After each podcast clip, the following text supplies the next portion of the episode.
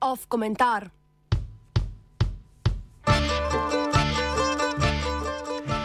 Volilni sadjevec, letnik 22.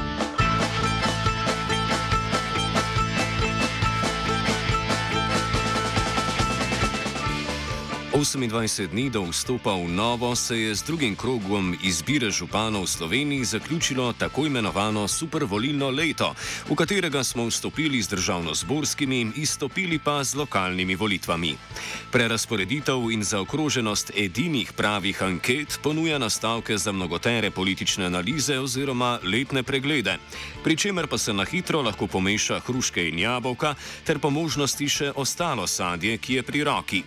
Politik Politiko na državni in lokalni ravni namreč poganjata medsebojno sicer prepletajoči se, a v svojem bistvu različni dinamiki, vsaka s svojim momentom. Če je prva zaradi širokega nabora sredstev političnega boja med pozicijsko koalicijo in opozicijo bolj razgibana in namensko polarizirana, je druga zaradi večdesetletne kontinuitete in čezideološkega povezovanja bolj toga. Zakaj torej tokrat vleči usporednice med državno in lokalno politiko, če tek večjemu vodijo do napačnih zaključkov? Odgovor je gibanje Svoboda, prva stranka novih obrazov, ki je po uspehu na državni ravni v istem letu vzpostavila še lokalno mrežo.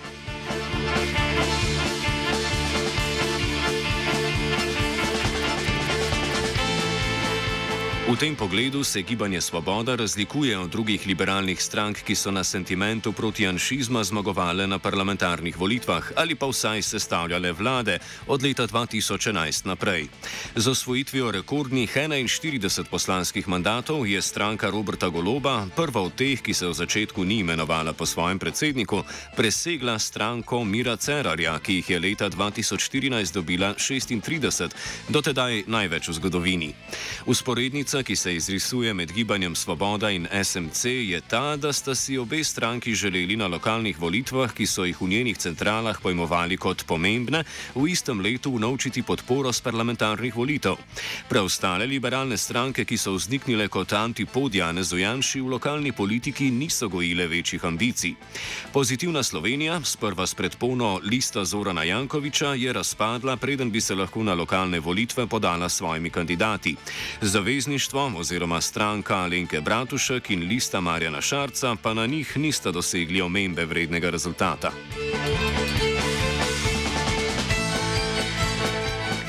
Vendar pa se izid z državno-zborskih volitev tako za SMC kot Gibanje Svoboda ni neposredno preslikal na prve lokalne volitve od obstoja stranke.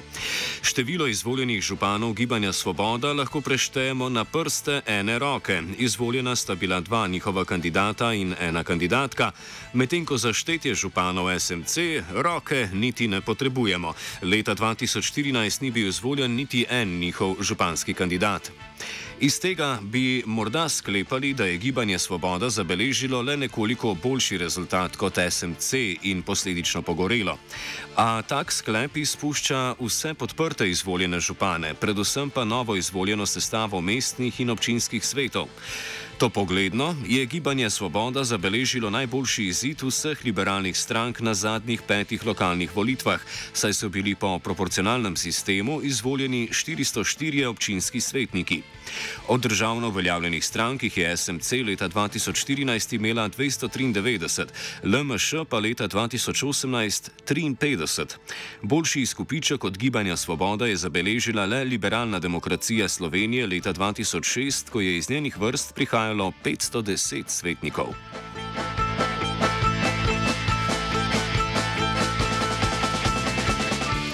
Če gole številke nakazujejo, da gibanje Svoboda postaja pomemben deležnik na lokalni ravni, to postane še bolj jasno pri konkretnem pregledu sestav mestnih in občinskih svetov nekaterih večjih občin.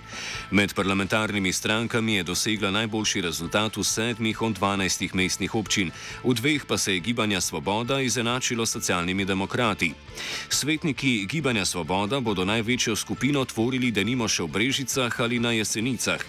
Pri sklepanju koalicij, kakršna bo z listo Zorana Jankoviča v Ljubljani ali pa listo Saše Arsenoviča v Mariboru, imajo tako dobro pogajansko izhodišče, da pridobljeno politično moč, kot se neuradno omenja, tudi z zahtevami po podžupanskih stolčkih, pretvorijo v dejanski vpliv.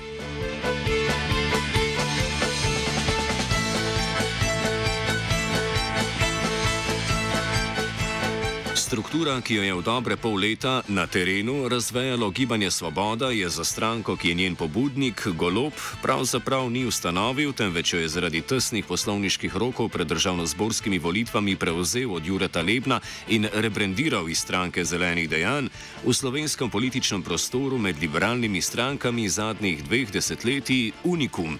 Ni pa noviteta. Gibanje Svoboda je s programskimi usmeritvami poskušalo zajeti kar najširši spektr liberalnih liberalnega volilnega telesa in če hočete voljivce nagovoriti z vrednotami, ki jih živijo.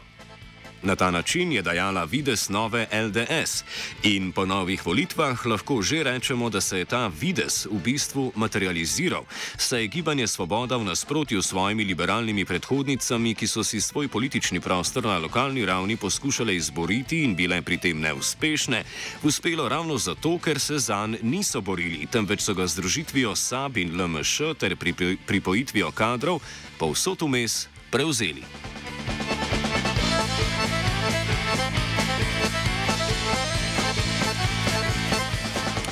Komentatorski sadjevec jabolk, hrušk in še česa neprimerljivega je točil Fabian.